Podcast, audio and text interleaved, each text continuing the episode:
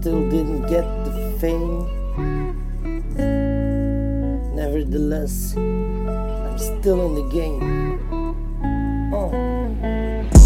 Wie is die verdachte? Die gekke G die meer indruk maakte dan iedereen verwachtte. Een beetje gek, maar wel diepgaande gedachten. Hij brengt zijn verhaal, terwijl vele enkel de beats verkrachten. Hij doet die shit waar iedereen op zich te wachten. Brengt die beats zo dood, hij spit de rijmen, woorden vol hoop. De vuile breekt het kot af. Hij maakt met alle tegenstand direct kom af. Hij is begonnen gewoon voor de grap. Heeft nu zijn plaats verdiend in hip-hop en rap. Hij brengt nu de real shit en hij maakt het nu echt waar. De vuile V is met die crap klaar. De vuile V is Valet en is als de king daar.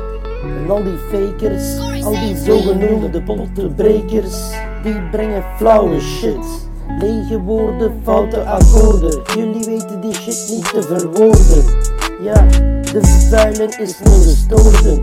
Hij scheert hoge toppen. En jullie MC's gaan ten onder en denken enkel nog aan stoppen. Ik maak het, jullie floppen. Ik breng diepe shit en zeg waar het op staat.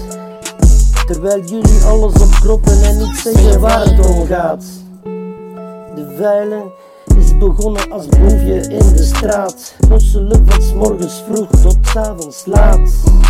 Dealen op de hoek, chillen on the block. Blaffer in de broek en blokken in de stok. Oh, oh.